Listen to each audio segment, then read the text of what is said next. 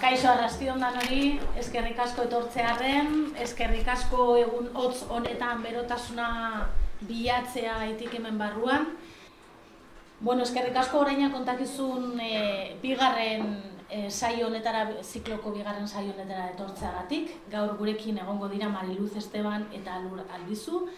Beraiekin hitz egingo dugu e, bueno, militantziaz, e, kontakizunaren Mm, kompromisoaz eta bestelako ez, badakizue, e, bueno, normalean egiten duguna izaten da, beraiek irakurriko dituzte testuak, eta gero, sola salditxo bat izango dugu, sola salditxo horretan, momenturen batean eten nahi baduzue eten lasai, ez daukagun problemarik.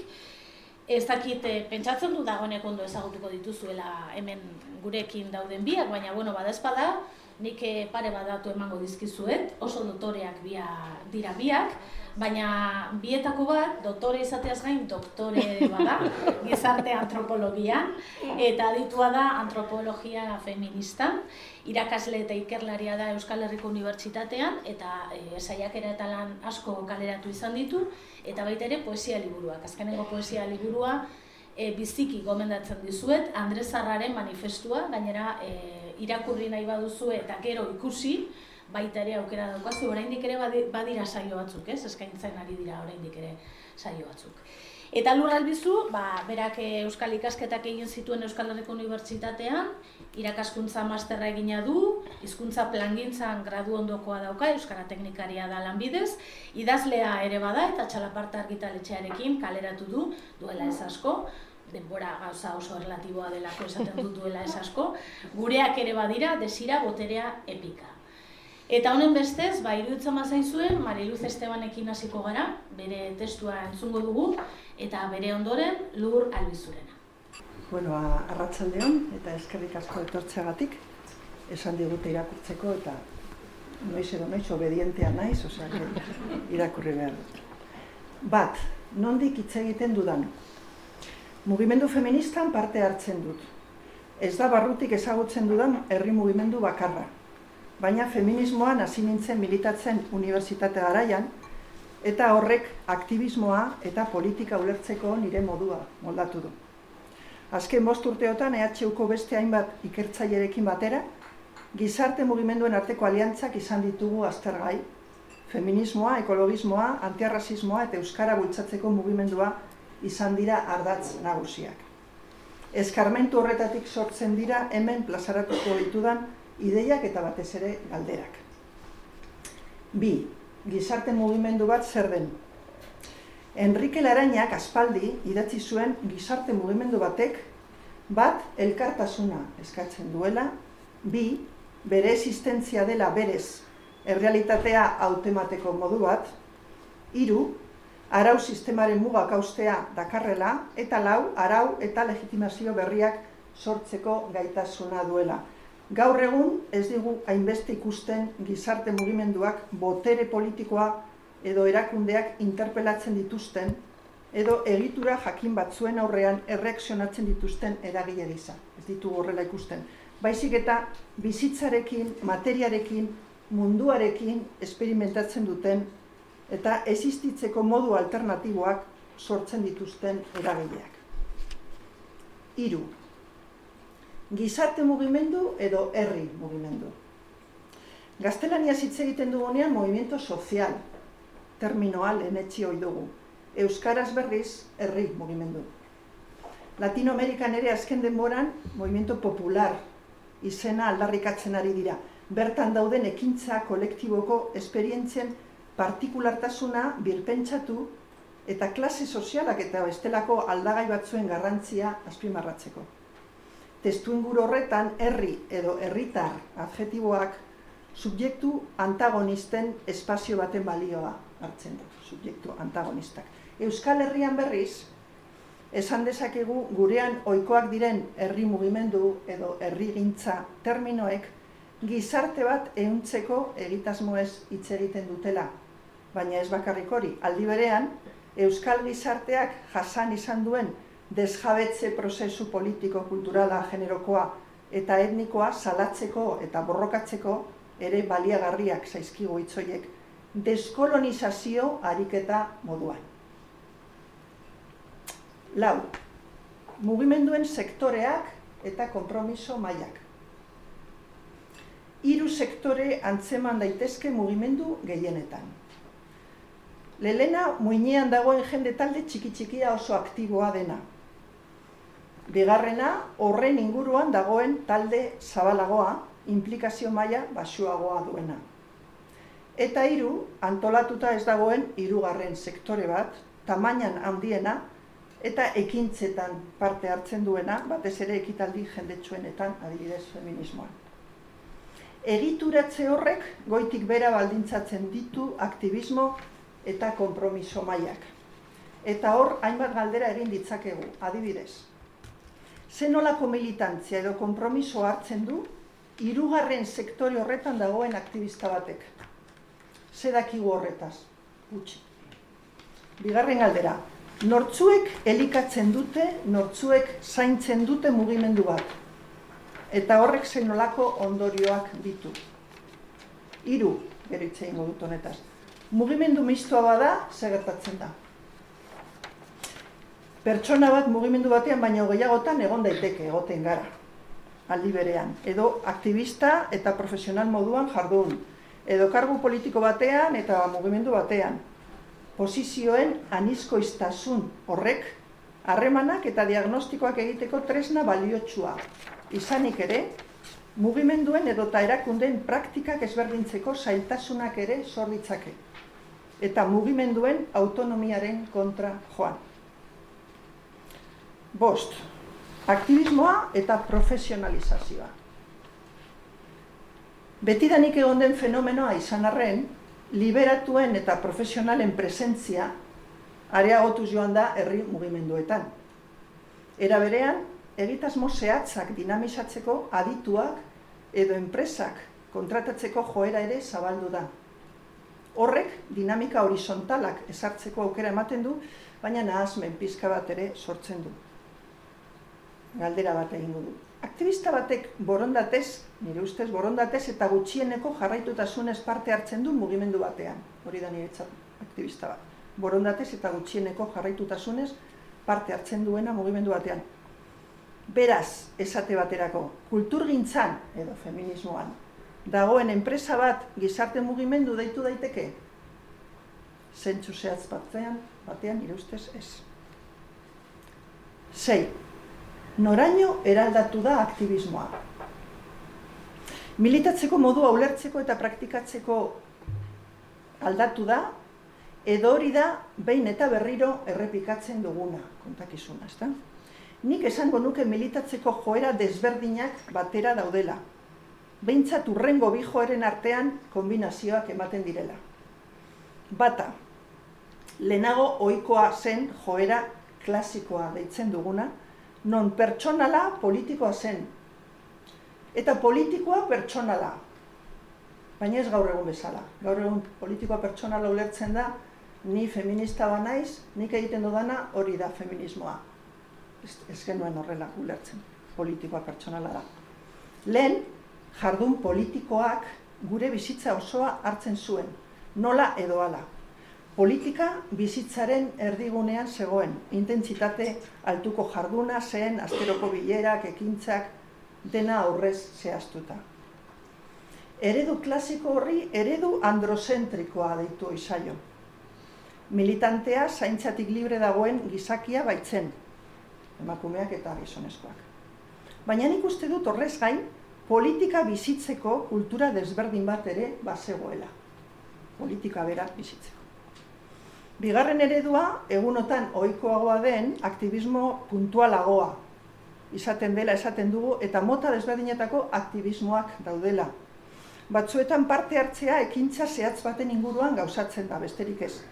Horren bidez, konpromisoaren malgutasuna bilatzen da gaur egun, naiz eta malgutasun horrek behin baino gehiagotan proiektuen iraunkortasunaren kontra joan.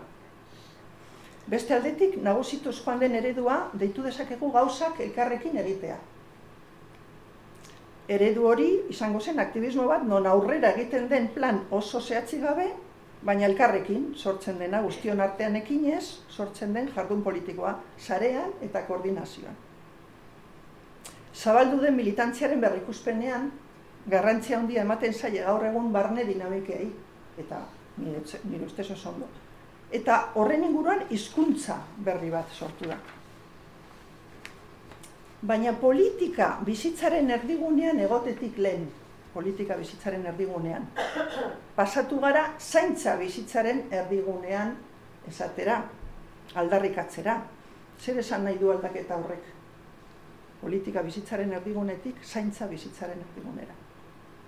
Horrekin lotuta eta lehenago egin dudan galderari buruz, nork zaintzen du mugimendu bat?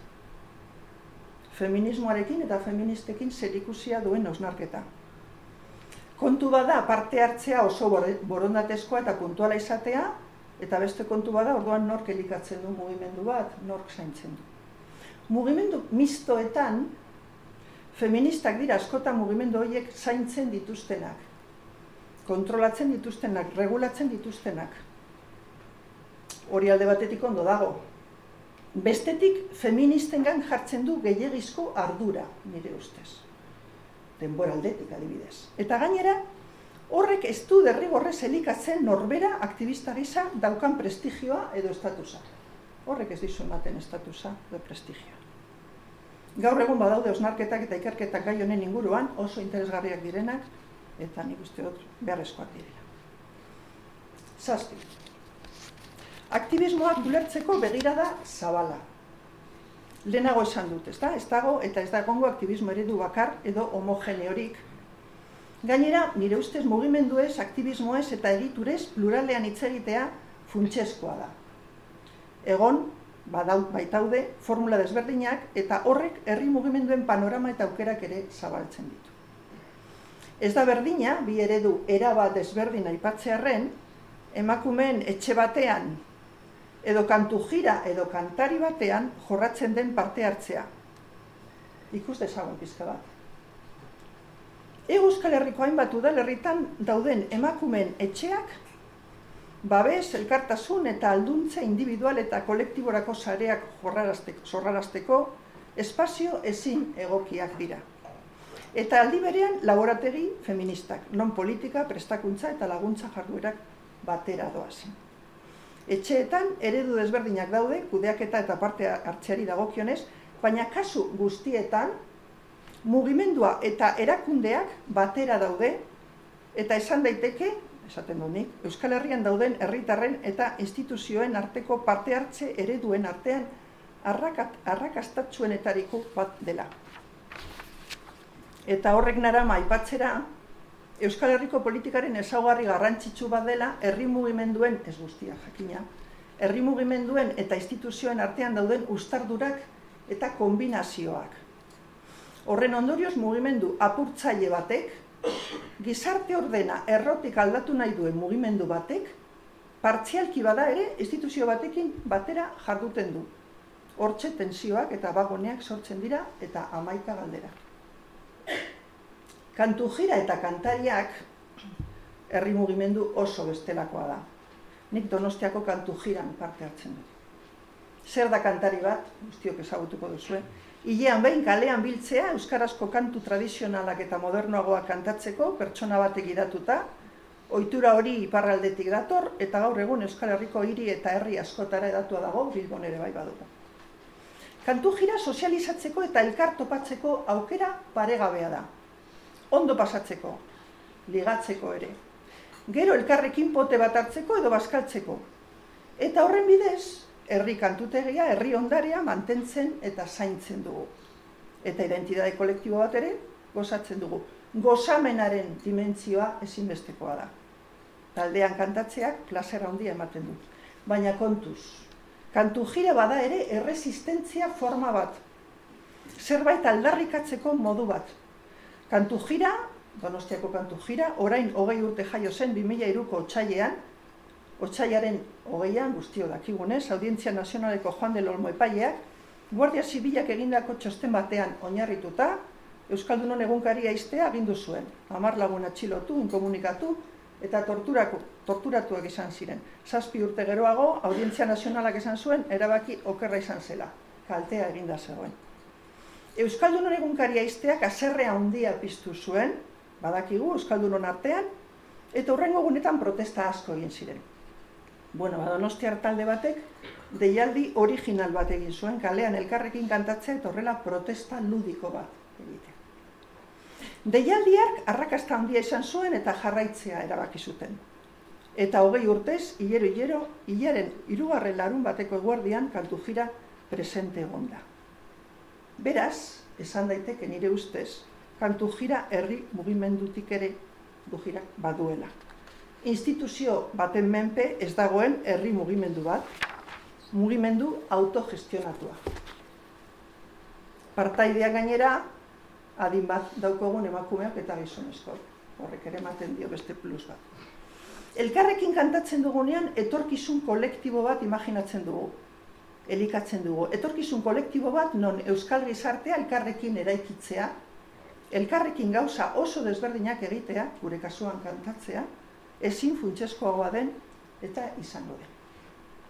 Sortzi eta azkena.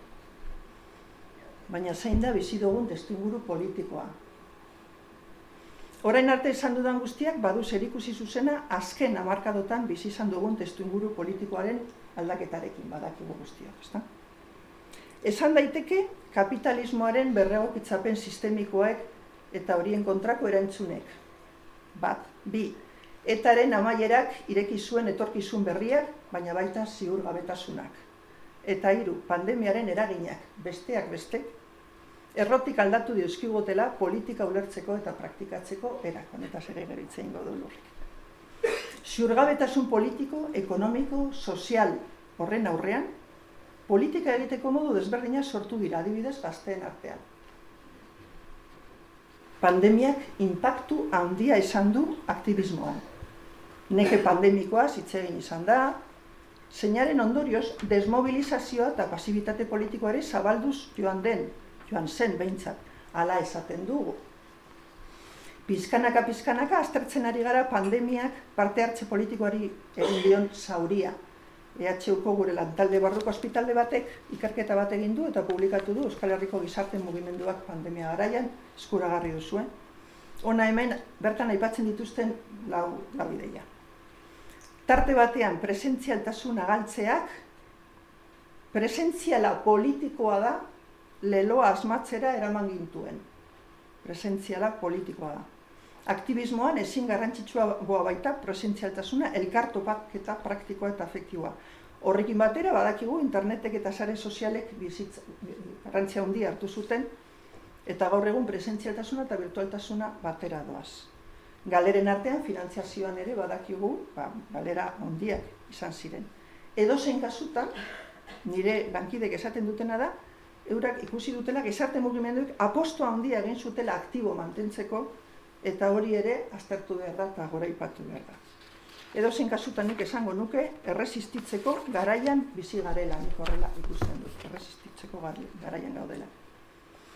Testu inguru oroko horren baitako ezaugarri funtsesko bat itxaropena galtzearena izan da. Itxaropena galdu dugu. Maialen Lujanbio kantatu zigun, ez da? Borroka irabasteko desesperantzari kantatu zion berazken. Bertsoa baina nik errekuperatu dut, garik kantatzen zuena. Garaipenik ez da galtzekori gabe esperantzara kondenatua. Nago, egunotan ez dagoela arrazoi asko optimista izateko, baina itxaropena berreskuratu behar dugu, eta itxaropena berreskuratu nahi badugu, esal gaude optimismora ere kondenatuak. Bukatzeko Elena Olaberen poema bat ekarri dut. Duela gutxi irakurri dut bere liburua keinura itzuli eta dauka poema bat itzulia oso proposaio ditu zaidan. Irakurriko izu. Ez pentsa. Ez gara horren beste aldatu. Oraindik interesatzen zaizkigu unibertsalak. Egunerokoa eta anok, anekdotikoa den begirada lurtarretik. Kostata bereiz ditzakegu eta testua eta bizitza. Oraindik ez dakigu adierazten zeinek konfiguratzen duen zein. Kontakizuna handien gainberari zo, hortxe gaudegu, mito txikiekin, bihotzak eta eskuak beteta. Testua eta bizitzaren artekoa, ez da, harremana eta mito txikiak. Elenaren poema horretatik azken galdera bat, zeintzu dira militantzia edo aktivismoaren inguruan ditugun mito txikiak edo handiak. Eskerrik asko.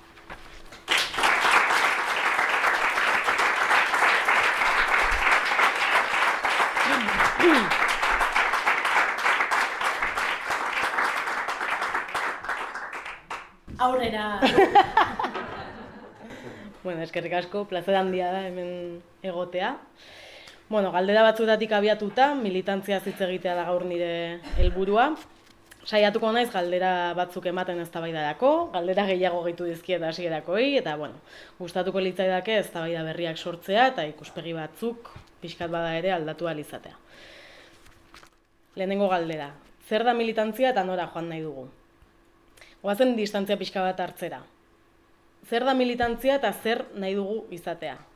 Zein ideiatan oinarritzen da militantzia bera eta nola amesten dugu horrekin? Militantzia nire ustez zerbaiten ondorioa da. Hau da, gertakari, posizio edo baiestapenen baten ondotik gertatzen dena. Erabaki bat da militatzea.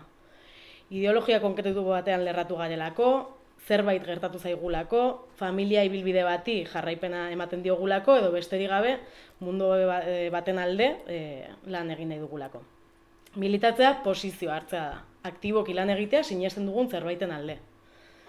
Sinetxi egiten dugu afektu batzuk gurutzatzen zaizkigulako eta horren ondorio da nere ustez militatzea.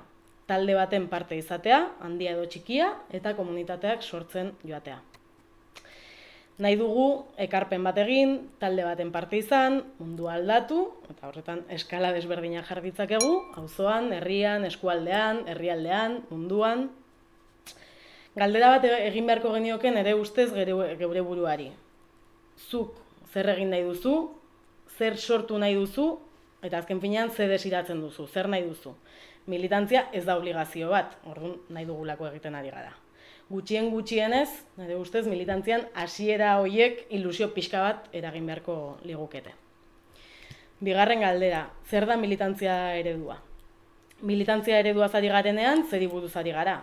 Zein kontakizun egiten dugu iraganaz, eta ze kontakizun egiten dugu orainaz? Zergatik hitz egin behar dugu militantzia eredu berriez, nire ustez, bueno, ez dakit zein den galdera exactamente, baina zer da zehazki berria, militantzia eredu ez eh, hitz egiten dugunean, eta zertan desberdintzen dira zaharra eta berria. Klitxeak erabilita eta karikatura batzuk eginda, barkatuko didazue, esanen genuke militantzia eredu zaharrean gizonak daudela, gizon txampiñoi pila bat, e, militante integralez mozorrotuta, hogeita lau orduz disponible daudenak, iraultzarako, berdin da zer gertatzen den bidean, zer galtzen den bidean eta ze ondorio dituzten erabaki horiek. Militantzia eredu berrian errespetu gehiago zaio bizitza pertsonalari, ez dago hogeita da orduz disponible militantea, eta norberaren nahiak eta gogoak gehiago hartzen dira kontuan, klitxeak eta karikaturak. Irudiak egin ditugu beraz eta kontakizunak sortu ditugu militantziaren inguruan, bai iraganaz eta bai orainaz. Eta ez dakit estereotipo horiek gehiagi laguntzen diguten, formula berriak izan zitezkeen horietan sakontzen, edo besterik gabe iragana prestigiatzen, edo errefusatzen, eta oraina nolabait errefusatzen edo prestigiatzen. Baina konponbide edo bide konkreturik topatu gabe, ez bada pendulazoa, eta hori asko gustatzen zaigu, ez? Hogeita lau orduko exigentzia gogor batetik, hori egiten omen zuten, individuaren nahiaren araberako militantziara. Militantziak nire ustez behar ditu arauak, komunikazioa eta akordioak. Mugak, erabakiak eta konpromisoa. Eta horren araberakoa izan beharko litzateke. Eta gainera herri honetan, ez dugula, ez, gara oso komunikatiboak, gutxi hitz egiten dugu edo asko, baina isiltasunak badu presentzia Euskal Herrian, nire ustez, ohikoena da militante batek espektatibak ez betetzea. Ondokoa maizegi epaitzen dugu eta komunikazio arazo handiak eta evidenteak ditugu. Hirugarren galdera, zer aldatzen ari da edo zer gertatzen ari da. Eta zergatik pendulazo horiek bai egiten ditugun kontakizunera eta bai omen e, militatzen dugun eran. Militantzia hitz egiten dugu egoera soziopolitikoa aldatu izan ez palitz bezala. Krisitik krisira pasagara azken ama urteetan eta ezin dugu beste alde batera begiratu prekarizazio eta pobretze prozesua gertatzen ari da, nahi ala ez, eta horrek eguneroko bizitzan izugarrizko ondorioak ekartzen ditu, ez bakarrik baldintza ekonomikoetan. Fischerrek esaten du realismo kapitalista liburuan. la vida se vuelve precaria. Planear se hace difícil y las rutinas se tornan imposibles.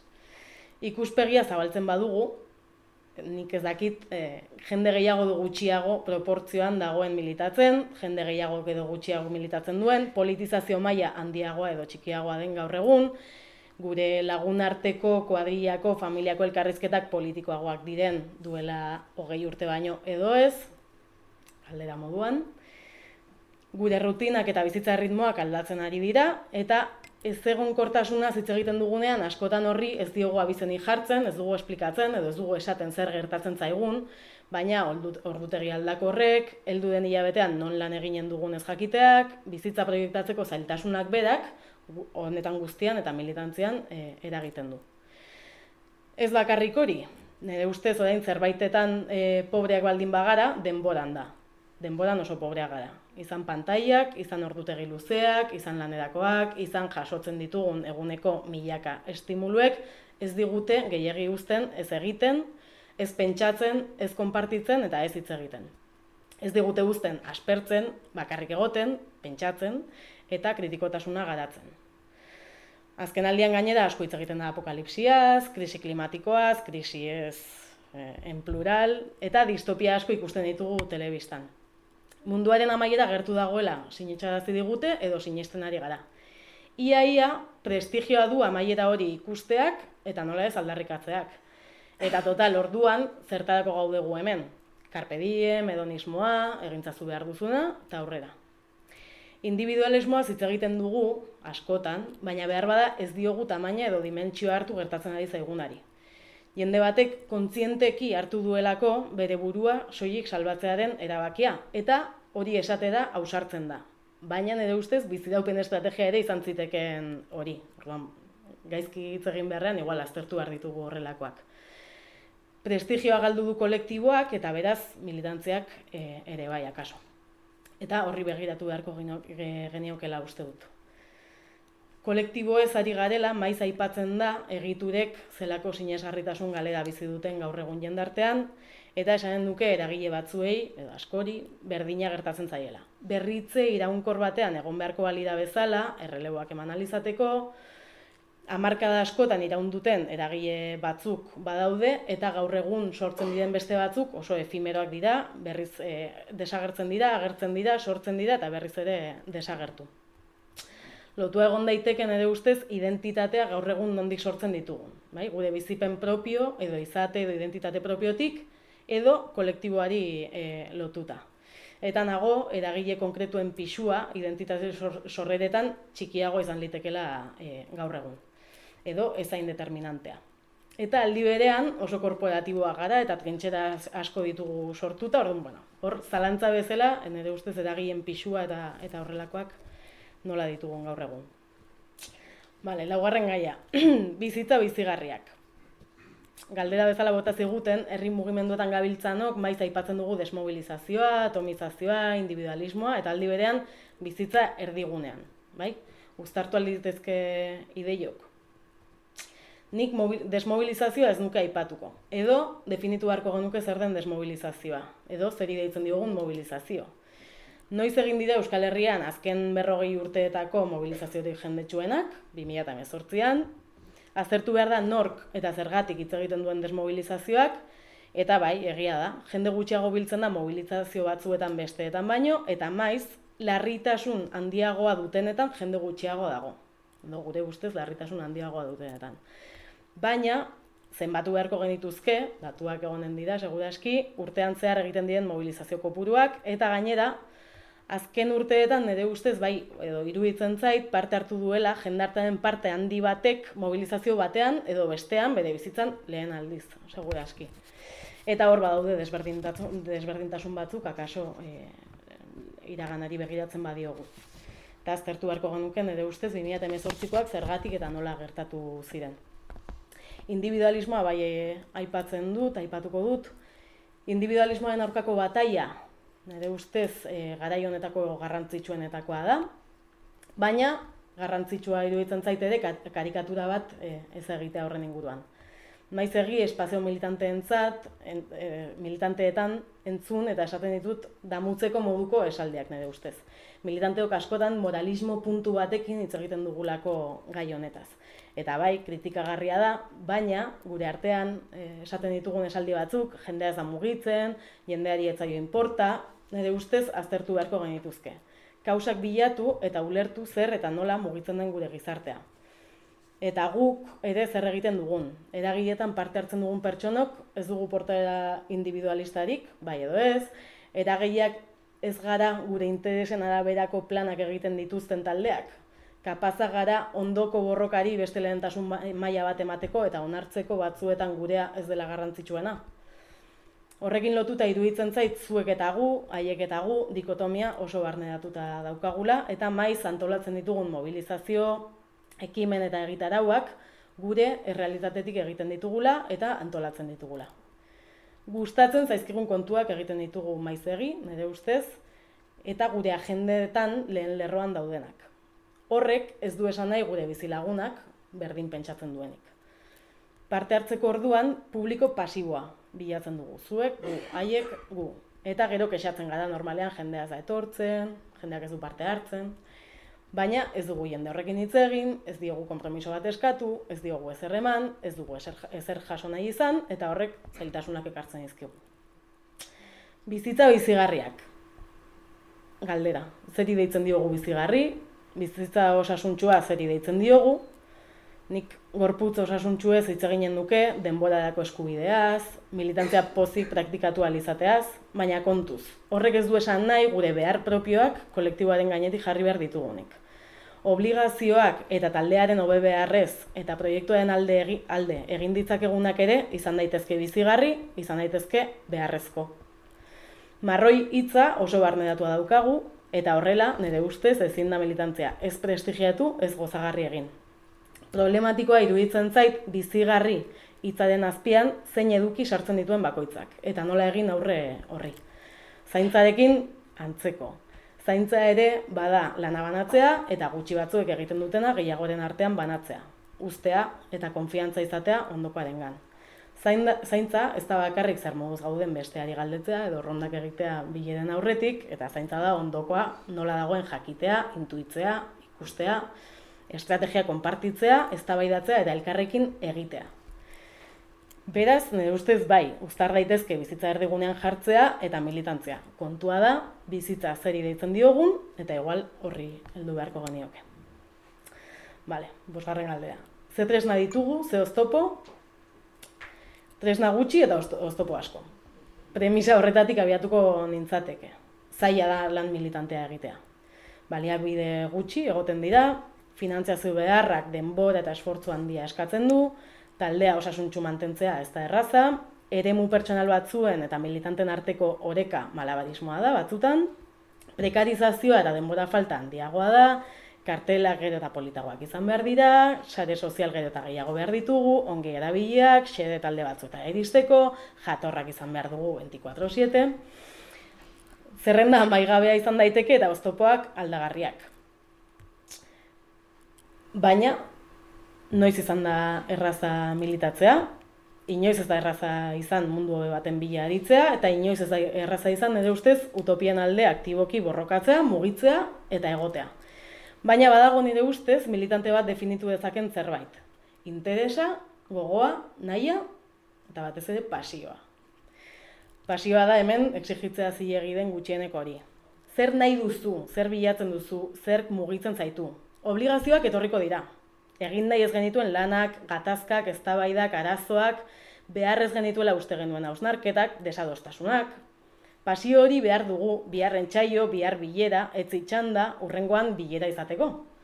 Eguneroko lana da, eta eguneroko lana den moduan, eguneroko lana den moduan markatu laguntasunak eraikitzea. Eta noiz bait, iristen da, noiz binka batzutan, gutxitan, baina iristen da. Bapatean, esperoz genuen zerbaitek kriston arrakasta du, bapatean proposamen bati norbaitek baietz esan dizu, pozik eginen duela, pozik. Bapatean, gai batek interesa eta bilerak pizten ditu hemenetan, bapatean, mila pertsona dentzako megafonia montatu duzu, zara esate pasea lekuan, eta greba feministak milaka eta milaka eta milaka emakume ekarri dizkizu, bapatean, zuketzen ekien, baina Ez dago soinurik, inork ez duen zuten, bueno, tragedias, baina, bueno, morir de éxito. Eta nola ez dugu militatuko, orduan, ez? Ari gara zerbait aldatzen. Eta une horiek nire ustez ez dute preziorik. Eta batzutan, bueno, humildade batzuk ere begiratu beharko genituzke. Preziorik ez dute, ez dute izan, eta hori guztia geratzen zaigu beste guztiaren gainetik. Eta azkena, nora goaz. Nik kolektiboa prestigiatzera joko nuke. Taldean sinestera, gauza asko lapurtu dizkigutelako eta mundua gure burmuinak asimilatzen alduena, baino azkarrago doalako gure, gure dekadentzen onenean gaudela esanen du batek baino gehiagok, ez naiz ausartzen ez eta esatera. Eta ziurtasunak amaitzen ari zaizkigun honetan, hori eskaintzen du militantziak nire ustez. Helduleku bat, bizitzari begiratzeko modu bat, babesteko modu bat, gainontzekoak ere babestekoa.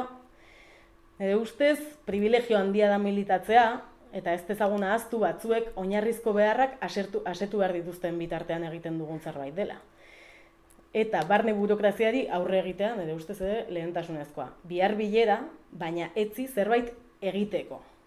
Egiteak eta praktikak eraikitzen gaituztelako, betetzen gaituztelako eta egiten gaituztelako nor.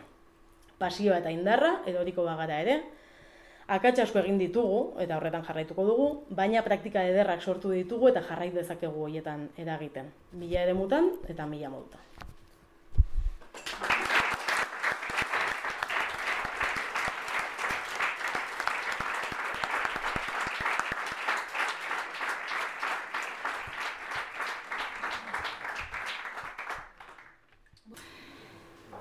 Bueno, nik, e, uf, e, ez da genondik hasi, eh? Beraz, hasiko naiz hasieratik. E, aipatu duzuen militantzia asko. Eta e, gaur izan egon naiz e, etimologikoki zer esan nahi duen militantzia, e, militantziak begiratzen, ez? Eta esaten du latineko da, militantzetik dator, eta militantzek esan nahi du, gerrarako prestatzen dena. Bai. Ez dute zara asmatu, eh? Eta harritu nahu, e, hitz bat oso gutxi erabili duzuela. Eta da aktivismoa. Eta harritu nahu, e, herri mugimentua aipatu zuen gizarte mugimentua, militantzia asko, aktivismo gutxi. Militantzia ez da gauza zara,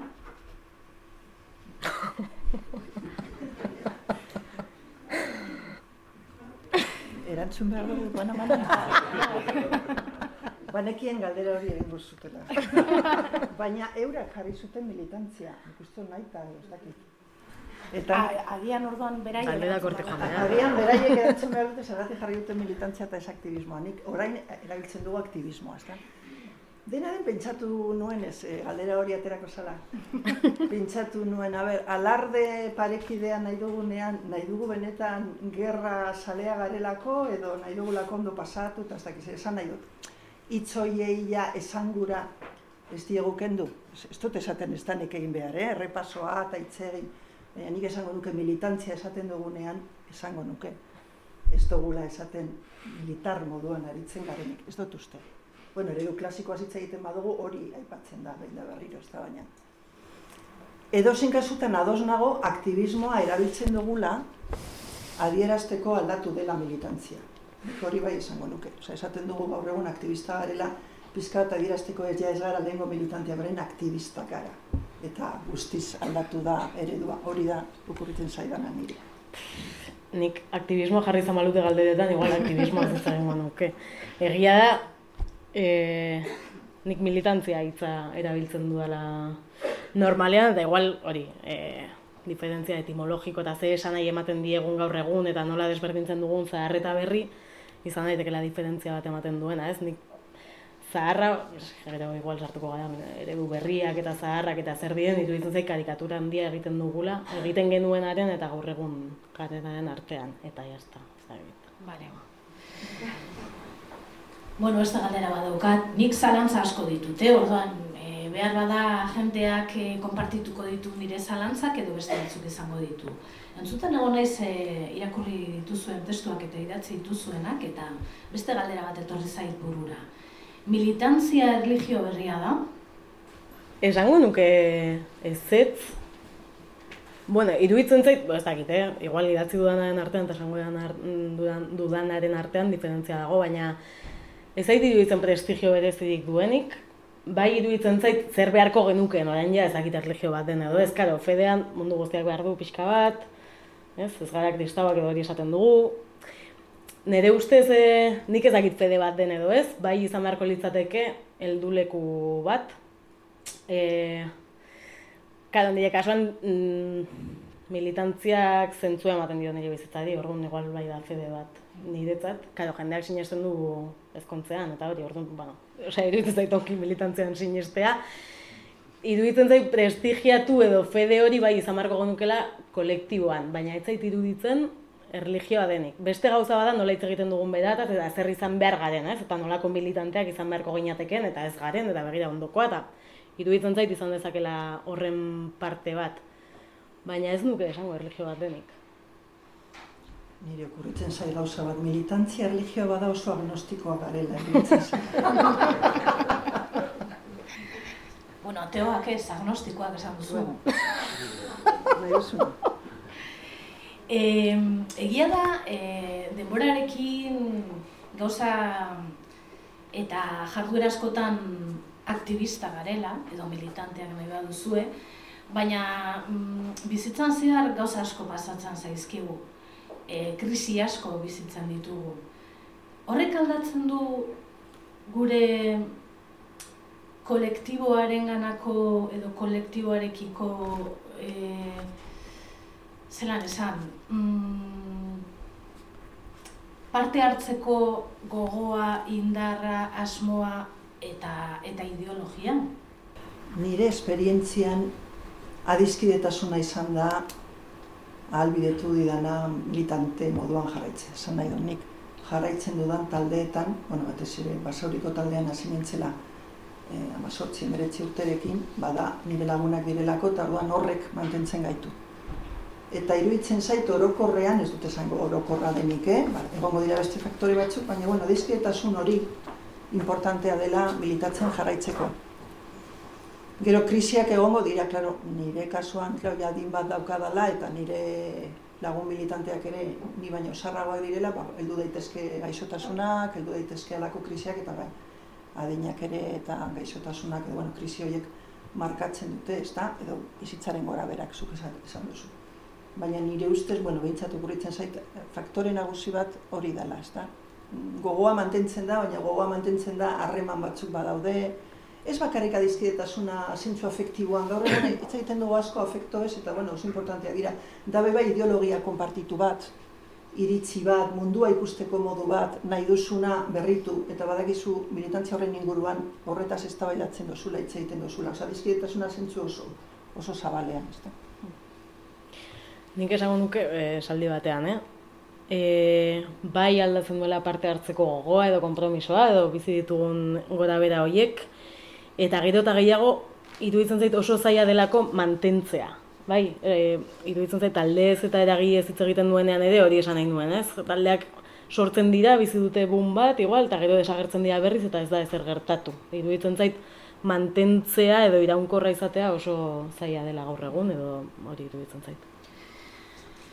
Egia da, e, bizi izan ditugula azken hilabetotan, azken urteotan e, gertaera jasoera bat espero ez genuena, behintzat gehienok, mundu mailan pandemia bat etorri da, eta pandemia horrek bakartu baitu etxeetan, zuek esan duzue aktivismoak presentzia behar duela, gorputza eta aragia behar duela, baina egia da pandemia honek e, dana hankaz gora jarri duela, behar bada aktivismoak ere bai. Mm Zer irutzen zaizue, zelan ikusten duzu hori? Nik uste bendagoen jende asko, igual edantzun hobea mango lukeela, eh?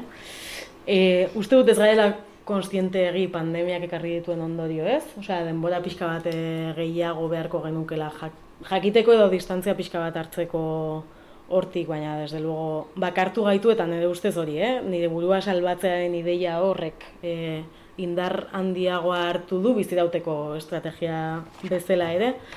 Eta iruditzen zait gainera, e, saren, sarek beste presentzia, edo virtualtasunak beste presentzia bat hartu duen momentutik ere, ohitura horiek aldatzea izan zela azkarra, ezagin, bueno, azkarra, e, tragediaren barruan ere bai, eh? baina gero berriz presentzialtasuna bueltatzea, bueno, horrelakoak izan direla gogorragoak, eta iruditzen zait, e, mugimen, bueno, ikusten ditudan e, mugimendu batzuetan, e, presentzia handi hartu duel dutela sarek, baina oso gutxi presentzialtasunak e, pertsonen arteko harremanak, esango dut.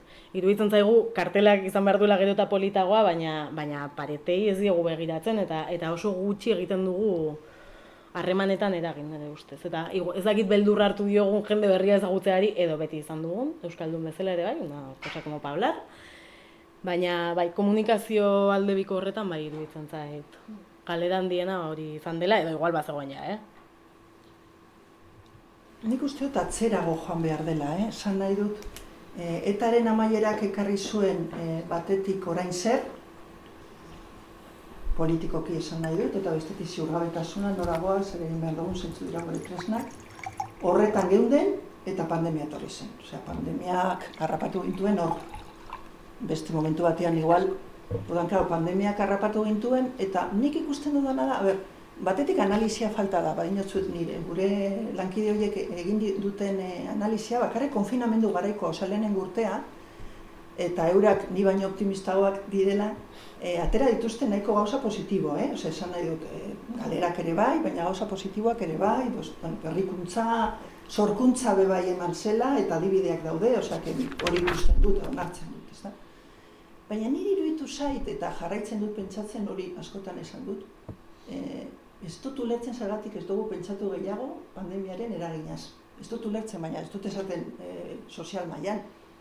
Que taldeetan ez da, ez da pentsatu. Osa, zuzaude talde batean eta noizean behin, bueno, orain, ja igual, gainera hiru urte edo pasatu dira, ja ikusten gara, bueno, ja pandemia atzean utzi dugu, Baina duela bi urte edo konfinamendutik aterata eta eta ez genuen hitz egiten. Nola geunden pertsonalki talde moduan. Hori hor falta da hori. Berreskuratuko dugu igual eh? Baina nik uste falta dela hori. Eta gainera iruditzen zait batzutan eskerretik horretaz hitz egiten denean sakondu gabe nire ustez gauza positiboak e, behin da berriro. Sareak antolatu genituen ez dakiz bueno ba bai baina baina baina nik batzutan ikusi dut feminismoan nire inguruko feminismoan ez naiz ausatzen beste mugimendu ez hitz egitera, a ber, e, pasi, ados nago, eh, desmobilizazio eta pasibidade hitzak ere kontuz ibili behar dugu, baina nola esan, inertzia bat, inertzia politiko bat, osea, jarraitu dugu inertzia batean. Eta maila batean, holan ikusten dut, inertzia batean, manifa handi bat bai, baina inertzia batean. Eta inertzia horretatik edo ateratzen gara edo, edo bueno, ez dakit, ez dakit, igual beste zerbait sortuko da. da. Orduan, batez ere hori, ez dugula ausnartu, ez dugu ausnartu pandemiaren eraginaz, ez dugu ausnartu hor eskerrak, zenolako diskursoak egin zituen, bueno, hor, zientziaren inguruan, medikuntzaren inguruan, hor dago, mm, dana pendiente, izango nuke, ez da, Ana? Guzti zadoz. Dana pendiente, dana pendiente dago, edo uneko larogeta emeretzi. Edo uneko larogeta emeretzi, ezin da itxegin horretaz tabu bat bihurtu da, osea, ba genukan tabu bat osartzia eta arramazka da dugu euskera ateratzen da. Aga osornia, ba. Agian oso tabu salea gara euskaldunok, ja ez daukagu et, etaren tabua, kendu dugu etaren tabua alde batera violentziarena eta orain daukagu hori, bueno, deitu gabe, ez da, eta ez dut esaten, osea, ez dugu gabe, eh, nola esan, modu harinean tratatu, eh? baina, bueno, bai, eritzen zait, hor dagoela asko pendiente. Iruditzen zait pizkana pizkanaka agian hasiko garela, igual talde txikitan edo horretaz hitz egiten, ze iruditzen zait politika pizkal berritzeko edo ez berritzeko denitza aktibatzeko, ez dakit, bai. Mm -hmm. behar dugula bebai pentsatu azkenengo hamar urtetan zertatu zaigun, barne eta arena, ose, esan nahi dut hori dana, ez da? Bueno, mm, horregatik nire ustez, ni sentitzen dut erresistitzeko garaian gaudela, eta ez da gutxi. Ez da gutxi, beste gunean e, e, aktivista ero batekin, horiek orgullo loko talakoak Madrileko tipa bat super interesgarria, bera diagnostikatuta dago psikiatrikoki eta e, klasera etorri zen eta jarri zigun diapositiba bat esaten zuena. Zer egin duzu azkenengo urtean zen galdera. Eta erantzuna zen, biziraun, ez dela gutxi. Bueno, pues igual momento horretan gaude, zagatik ez. Bizirauten badugu, ez da gutxi. Gero zogoz interesgarria iruditu zait, eta hau da meloi bat zabaltzekoa, e, aktivismoaren profesionalizatzea. Horiko kontua da hori. E, bai, bai, baina bueno, zabaldu dezagun meloia horretarako gaude hemen. E, dirua ordaindu behar da, da, profesio bat izan behar da liberatua izatea berdin zait, edo zein aktivismoan, militantzian. Non gelditzen da aktivismo eta militantzia baldin eta zure lana bihurtzen baldin bada? zuk esaten zenuen zuretzako militante bat dela bolondrez doana eta e, nahi duena horre honez. Baina zure lana baldin bada sortzi ordukoa fitxatu eta edo hori jazaki fitxatu barik ere sortzi orduak bete eta sakelekoa matatzen duzu lurrengo egunen arte. Non dago militantzia eta aktivismoa? Edo zer da? e, naiz jarriko oso muturrean, Osea, esan nahi dut, e, nik ezautu ditut esperientzia batzuk don, non dinamizatzaileak funtseskoak izan diren. Profesionalak funtseskoak izan diren. Ezagutu ditut taldeak non esaten dut, liberatu bat behar da hemen. Jope, liberatu bat behar da hemen. Osea, orduan, nik zer esaten dut, astratu ditzagon esperientziak.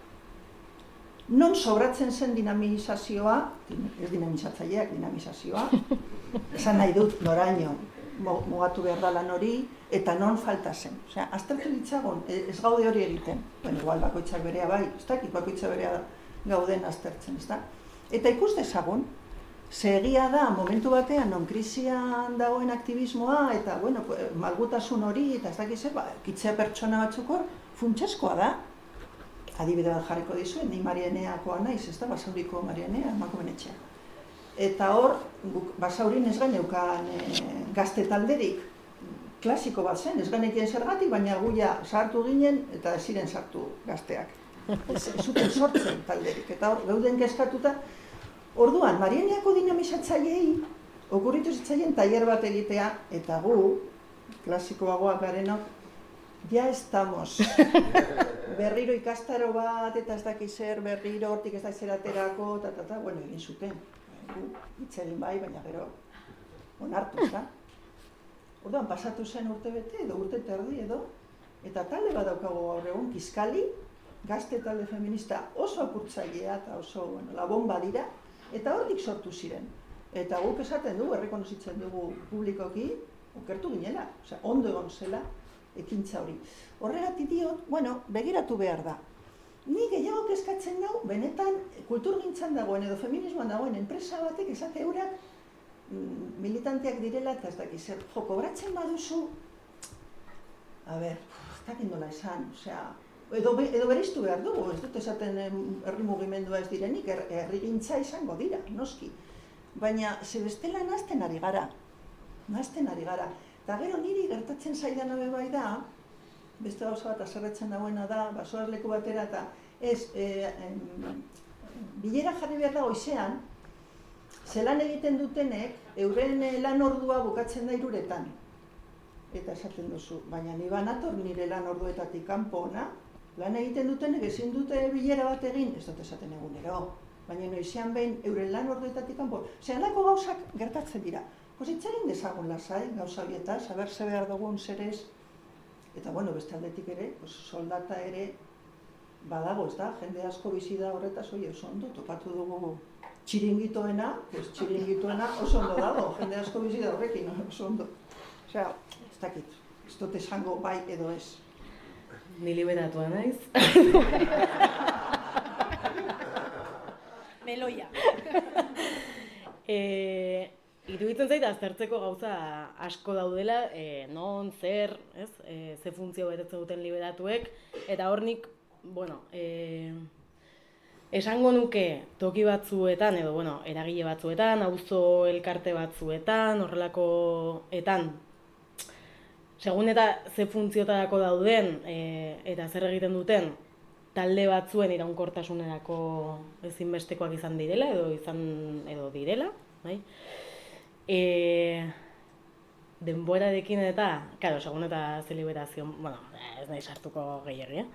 Eh, claro, nik ulertzen dut gero segun eta ze, ze liberazio mota egiten ari garen, eh? baina nolabait liberazioa dela enplegu bat izateaz liberatzen zaituena zure denbora dedikatzeko e, horri. Gero dago, ze desoreka egiten den zaintza edo kontziliazioarekin, ze eskubide dituen liberatu, liberatu batek eta zeintzuk ez, ze paper jokatzen dugun, segura eski, e, hori, kontziliazio lan batzuk eginteko beharrik ez ditugunok, eta besteok, ze desoreka sortzen diren e, horre ere, eta nire ustez ere, e, horretaz aparte, da igual Mariluzek esaten zuenarekin batera ez, nik, e, zaki nola esan, niri privilegio bat ere iruditzen zaite liberatua izan alizatea, ikusten dualako jende pila bat, enplegu duna, txandakaran egiten duena, e, umeak dituena, eta aldi berean militatzen duena, eta, bueno, e, ez, egin behar batzuei erantzuten diena alduen, alduen moduan.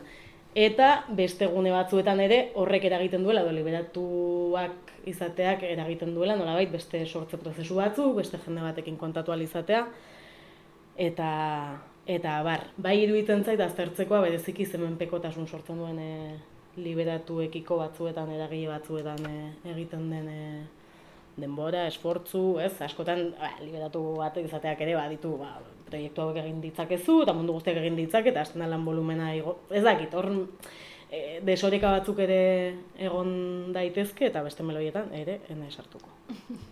Gehitu dezake zenbait. Claro. Batetik iruditzen zait, eh, adibide bat emango dut nik, bilguneko liberatuak ezagutzen ditut adibidez, ezta? Askotan egon naizelako bileretan eurekin.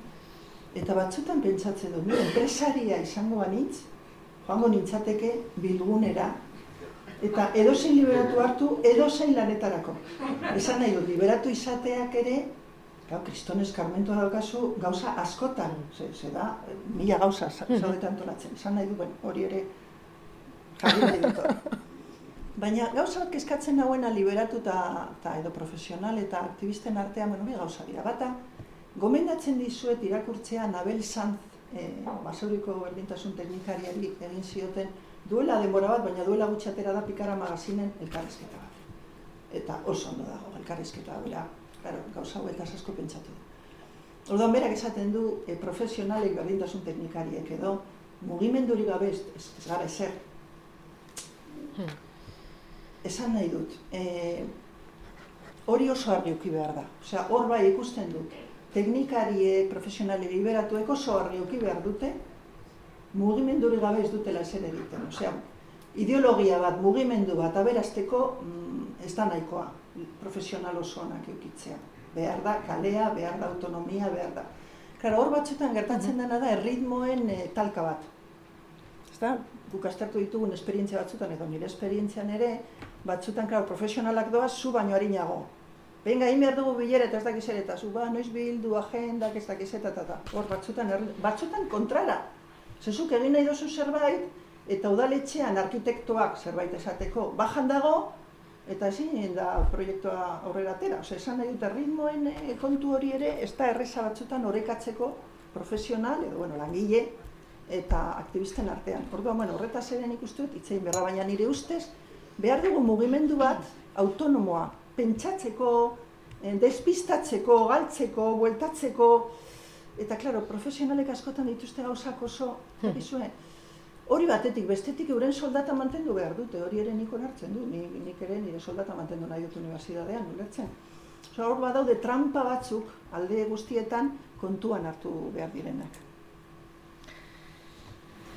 trampa sari zaretela pasioa hitz egiten ari zinetenean, ze garrantzitsua den pasioa. Gogora etorri zait, eh, emakume bat, filosofa bat, agian zuek ezagutuko duzue, norbaitek ezagutuko du, ezaguna da, eh? Remedios Zafra, Remedios da izena? Bai, Remedios. Remedios Zafra dauka liburu bat, el entusiasmo, bai. zoragarria dena, ulertzeko mekanismo eta makinaria batzuk, pasioarena eta zelan sistema aprobetsatzen da norberaren entusiasmoaz e, bueno, doan lan egin dezan eta eta gainera kejatu ez dadin, ze begira ze suertea daukazu, pasioa daukazu eta bueno, ba, aukera daukazu maite duzun horretan aritzeko, ez? Aktivismoa ez da apur bat el entusiasmo? Kara, liburuan adibidez, desente hitz egiten dugu desiraz, eta batzutan sentitzen dut erlatibizatu behar dela esaldiak, ze bestela sineste ditugu gauza batzuk, bueno, desira da eraikia, eraikitzen digute, orduan problematikoa da bere horretan, baina guk ere eraiki dezakegu. Eta nire, osea, nik azken aldian sentitzen dudana da, pasioarekin, edo, bueno, militantziazarekin lotzen dudan, iruditzen zaidala, e, prestigioa galtzen ari dela gogoa izatea gauzak egiteko, Osea, ba, batean, ez da guai, marroi bat izan, osea, zergatik izan behar da marroi bat gauza hau, e, obligazio bat izatea bizitzan, osea, bizitza hori da, batzutan, lotzen dugu, e, nik lotu nahi dut militantzia pasioarekin, baina pasio horretan, existitzen dira ere, niretzako obligazio diren gauzak, eta egin nahi ez ditudanak, en principio. Bai? Baina, bueno, horrek ez dukentzen hori ere bizitza dela, e, lan egiten, bueno, liberatuan izan moduan, enplegu bat izan dezaken moduan, edo egin behar duan moduan, kotxearen errebisioa. Pues, bueno, podo vivir triste o no, baina hori ere nire erabakia da, egin behar duan horren baitan. Ez dakit nik uste militantziaren ingura noen dagoen ideia dela oso negatiboa, eta hau da guztiz nire percepzioa, eh? oso negatiboa eta oso egin beharrei lotutakoa pasiori gabe, desidari gabe, eta orduan, e, zer egin, ba, nik egingo dut egin behar dena, ez? Jodeia, baina egin behar den hori pixka bat, gogo pixka batekin ere egingo duzu, ez? Edo pentsatuko dugu beste zerbaitetan, edo sortuko dugu zerbait, edo nire ustez azken urteetan mugimendu batzutan daude tradizio batzuk. Tradizio batzuk egiten dira, osea, festa kantolatzen ditugu berdin duela, bueno, ez dakit duela zenbat urte. E, talde mota berdina jotzen dute estenatokian, e, jartzen ditugu pote berdinak, ez dugu, ez dakit, ez dugu parekoarekin hitz egiten, pues como siempre, ez? Orduan, iruditzen zait, gauza batzuei eman barko geniekela kolore pixka bat, edo, Jo, militatzea ez da, ez da obligazio bat bere. Osea, bai, bai, bada obligazio bat mundu hobe baten alde, denok eman behar dugu zerbait, bai. Baina gogo pixka batekin. E, iruditzen zai batzutan, osea, niri oso seinale onda irudituko litzaidake, eta igual, bueno, igual da huele pixka bat elitista, eh? baina, jo, zenbat bizitza behar ditugu bizitza honetan bizitzeko. Osea, nik biz, pasio horrekin lotzen dut. Pues bai, nik militatzen dut orain eta naiz liberatua eta daukat ez dakitzer, baina nahiko nuke ez dakitze ikasi, e, gitarra jo eta lagunekin joan kubara, pues bi bete. Ezin da, baina nahi dut zazpi bizitza izan, ez? Eta iruditzen zain militantzian ere beharko genukela gogo pixka bat batzutan gauzak egiteko, porque ongi dago manifao prestatzea, baina, hombre, pues vale, egin behar dugu, baina, hombre, un poco de ganas. Osea, ez dakiten joko bat ere bere horretan, eh? el entusiasmo eta baina bada erresistitzeko modu bat ere, eta ez da ez nuke nahi identifikatzea ikuspegi naif batekin, eh? baina bai, pues ya que estamos, gutxien ez gogo pixka batekin egitea gauza. Eske, estela bizitza idutzen dut oso triste eta militatzeak ez du zentzurik niretzako, triste egoteko. Ez dut irakurri zafraren liburua, baina kontatu, bueno, irakurri dodanaz, nahiko autosapaltzailea naiz. Osea, esan nahi dut, betetzen dut, berak esaten duena, betean, ez da. Entusiasmo handiarekin e, bizitzen dut nire lana, eta orduan hortik or, gutxi itzein dezaket. Baina, bueno, militantziaren, aktivismoaren gauza bat aterako dut, ez dakite pasioarekin zer ikusia daukan, eta da, gaur egun pentsatzen dugu militatzeko gozatu behar duzula militatzen duzunean. Nire lagun batek, ez dut esango izena, esaten du, baina bueno, batzutan egin behar dira gauzak naiz eta ez gozatu.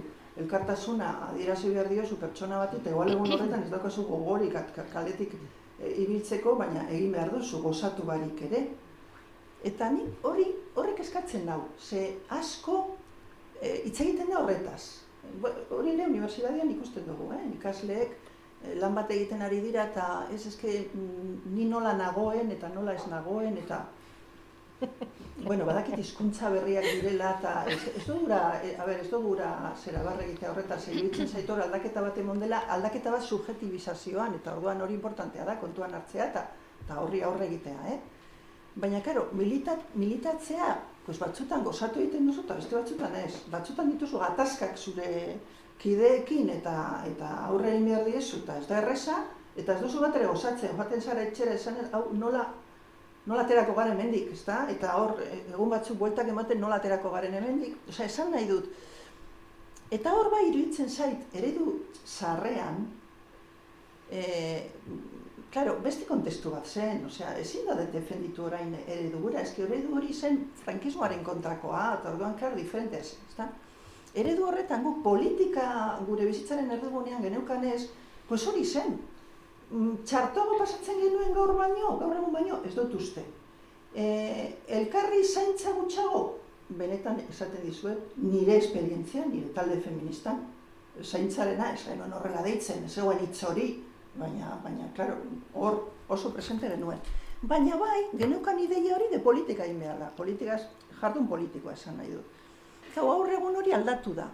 Aldatu bada, pues hor gaude, osea, ikusi behar dugu zer egin, orduan, bueno, gozamenarena esaten dugu, pues nik sentitzen dut, baina pentsatzen baduzu, aktivista izaten. Gozatuko duzula egunero, pues hobe da, beste e, bat, edo beste saletasun bat topatzea, ze, ze ez da izango horrela, ez da. Eta iruditzen zait, kontuz kontakizun horrekin, ze orduan, klaro, frustrazioak sortzen dira, orduan jendeak esaten duzke, nik gaizki nago, eta klaro, orduan hau ez da nire, no? nire espazioa. Osea, iruditzen zait hor, emozioekin eta gozamenarekin eta hori, bueno, zerbait pentsatu behar dela, ez da. Bintzat, ni batzutan harritzen nau, entzuten ditudanean alako gauzak, ez da. Batzutan ez duzu gozatzen ez ez. Hala ere, hala ere, zuk esan duzu, edo zuk lur uste, bizitzari igual zentzua topatzen diozu. Baina eske bizitzari edo politikari zentzua topatzea eta gozatzea diferentea da. Batzutan doa bat eta beste batzutan ez. Nik gelditzen naiz lehenengoarekin, bizitzari edo politikari zentzua topatzen diot egiten dut. Ez da edo saiatzen naiz edo nahi dan. Azken bolaotan, beste Itzbi asko errepikatzen dira eta gaur ere errepikatu dituzue, zaintza eta kolektiboa. E, ez dakit e, hitzak modan jartzea zarago, e, zer egin daiteke, no? Zan nahi dut, e, behin eta berriro edabideetan eta leku askotan eta hitzaldietan entzuten dugu, jendea zaindu behar dugula, zaintza ze garrantzitsua den, albokoa begiratu behar dugula, eta kolektiboa ze garrantzitsua den, baina gero benetan e, zaintzaren ejekuzioa jarraitzen dute berdinek egiten, ez? A ber, hemen badaude pertsona batzuk horretara da dedikatzen direnak, eh? Kontuz, esan nahi dut, mm. gaur egun sortu dira protokoloak, sortu dira dinamikak, eta zentzu positiboan esaten ari naiz, ikusteko talde batean zer gertatzen da, talde mistoetan edo talde feministetan edo. Hori asko asmatu da, nik uste horretan asko ikasi dugula, edo ikasi dutela batzuk dino dinamizatzen, eta nik uste oso esperientzia interesgarriak e, e, egiten ari direla, eh? Nik uste hori, osea, dos nago zurekin zaintza batzutan dela hizkuntza bat, eta bueno, pues, errepikatzen da hitz bat, baina nik uste praktikan ere, praktikan jarri direla modu batzuk, igual lehenago adibidez egiten genituen askoz modu improvisatuagoan, orain ezain improvisatuan, ez dakit, oza, esan nahi dut, nik uste dut hor badaukagula Euskal Herrian adibidez, ondare bat oso interesgarria horren inguruan, eta hor feministen lana da, batez ere, ez dut esaten bakarri, baina feministen lana zeloan kurrao, eh? nik uste dut.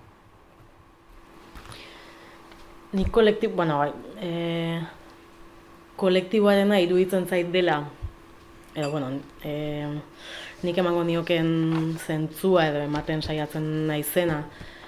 Em, individualizaziorako joera, eta hau ere duela urte pila bat esaten dugu, eta ez dakite e, ze puntu daño den egia, edo den, hori ez, bizirauteko beste estrategia bat, baina bai iruditzen zait kolektiboa izan daitekela helduleku bat, gero kolektibo horri, eman nahi diozun adibide eta eta ezaugarriak, ez? Baina bai iruditzen zait helduleku batzuk e, sortzen dituen eremu bat izan daitekela eta zapaltzen zaituena ere bai aldi berean, ez? Baina bai bai iruditzen zait dela ideia potente bat izan daitekena.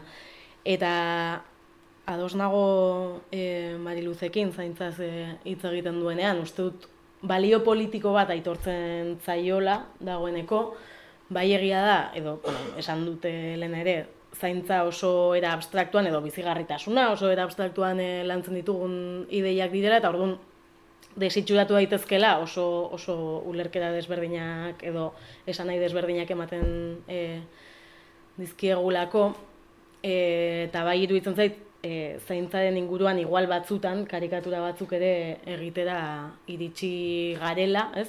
E, baina aldi berean sistematizatu dugulako nolabait e, gauza batzuek badutela garrantzia dagoeneko. Beste gauza da nola praktikatzen nola praktikatzen dugun, ez? Eta hitz egingo nuke ere e, militantzia ari bagara nork eta nola sostengatzen dituen talde batzuk eta nola egiten duen hoiek erreproduzitzea, iraunkor bihurtzea edo zaintzea, ez? E, nola egiten den talde batek irauteko urte batzuetan, errespetatzeko dinamika batzuk, jakiteko ondokoa nola dagoen, eta osea, horretan iruditzen zaite garrantzia handia izan duela. Beste gauza bada, zaintza zeri deitzen diogun, e, ez dakite, batzutan eta oso superficial jarrita gauza bat delako bileren hasieretan rondak egitea zer gauden egote, e, esateko, baina gero horrek ez badu ez, e, beste garapen bat, ba, batzutan, bueno, pues ja ikasi dugu gezurrak esaten, osea, kontua da ze garapen ematen diogun horri ere, eta hori, sostengatzea ere nork egiten duen eta nor jarraitzen duen horretan, ez?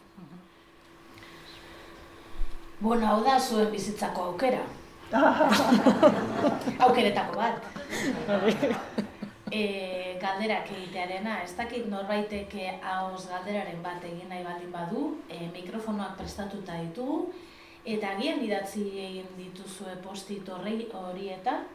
Norbaitek idatzi du zerbait, galderaren bat edo egiteko?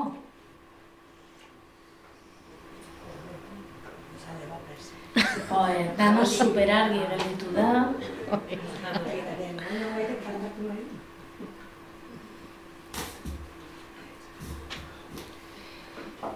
Ez, bueno, ba, irutzen mazaizu azken galdera egingo dugu errematatzeko edo. E, gazteen artean... E...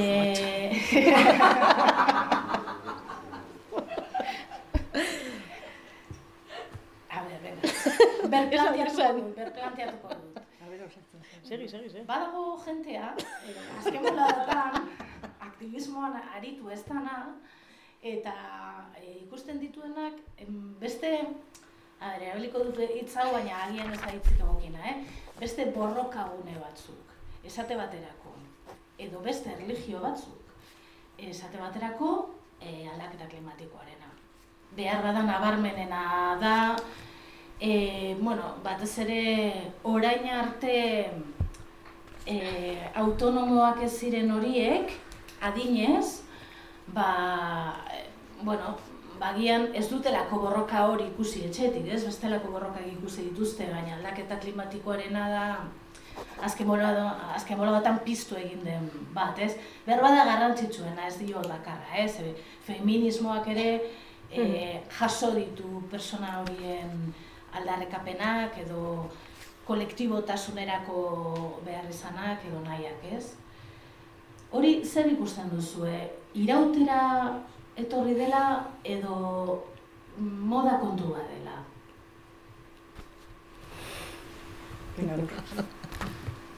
Esan duzu gazteak, ez?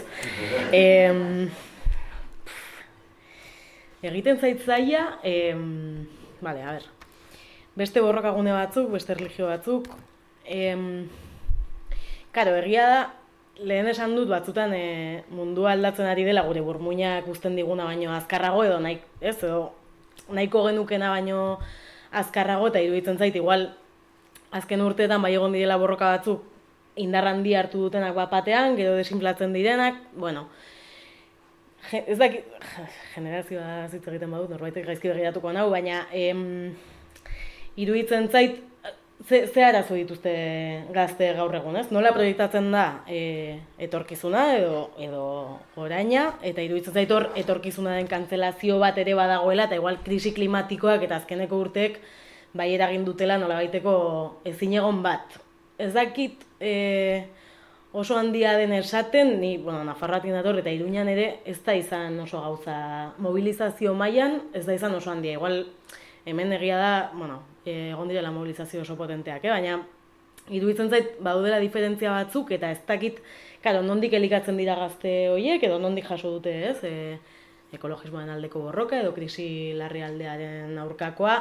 Iruditzen zait hor badagoela kezka bat oso handia etorkizunarekiko eta ze, ze gertatuko den, ez? Kezka hori ze gertatzen zaitez, batzutan e, pentsionistekin hitz egin da eta, ba, gola kexa orokortu bat, e, gazteak ez dira jot, ozakit, jonten, garen, bueno, e, pentsionisten edo pentsioen aldeko mobilizazioetara, kontua da, karo, gazte generazio oso handi batek ea proiektatzen duen pentsiorik izango duen edo ez, ere bai, ez? Eta iruditzen zait prozesu horietan jarri behar dela pixka bat e, fokoa. Iruditzen zait feminismoak bai daukala oraindik eta, ez, urte batzuetan ez dakit, e, iruditzen zait diferente izan zela Euskal Herrian behintzate olatu hori edo bueno, iraunkorragoa izateko hori daukala, baina honek seguraski ere bai, e, ez, krisi klimatikoa horregonen den bitartean e, egonen delako pato la vida esan nahi dut, baina egia da ere ez dakidala e, nik itzen nuke pixkat borrokak nola greba feminista. Greba feministak zerrati du hain indarrandia mundu mailan. Faktore pila bat ditugulako alde ere bai, esan dut, krisi klimatikoa hitz egin dugu ikasturte honen hasieran pila bat, baina albistegietan zegoen iraunkorki. Orain ez dakit, egia esan ez du telebista ikusten, baina, bueno, jala usotu da, nola baitez noiz izango da urrengo olatu eta ateako dira gazte guztiak, izan daiteke. Nik bai ulertzen dudala, edo uste dudala, kezka hori badela nahiko, osea, kezka hori sartu da nola bait, eta, eta eragiten du etorkizunari eta orainari oso lotuta dagoelako, eta horrekin konektatzen duelako. Moda, e, bai, pues igual e, arrakasta handia eta mobilizazio handiak eragite dituzte horiek izan daitezke modak. Feminismoaz ere hitz egin izan da azkeneko urtetan beti moda bezala, e, iruditzen zaidalako borroka batzuei esleitzen zaiela modaren abizen edo ezagugarri hori eta beste batzuei, ez? Sujetu batzuk direlako universalak de toda la vida eta horiek ez dira modak, ez?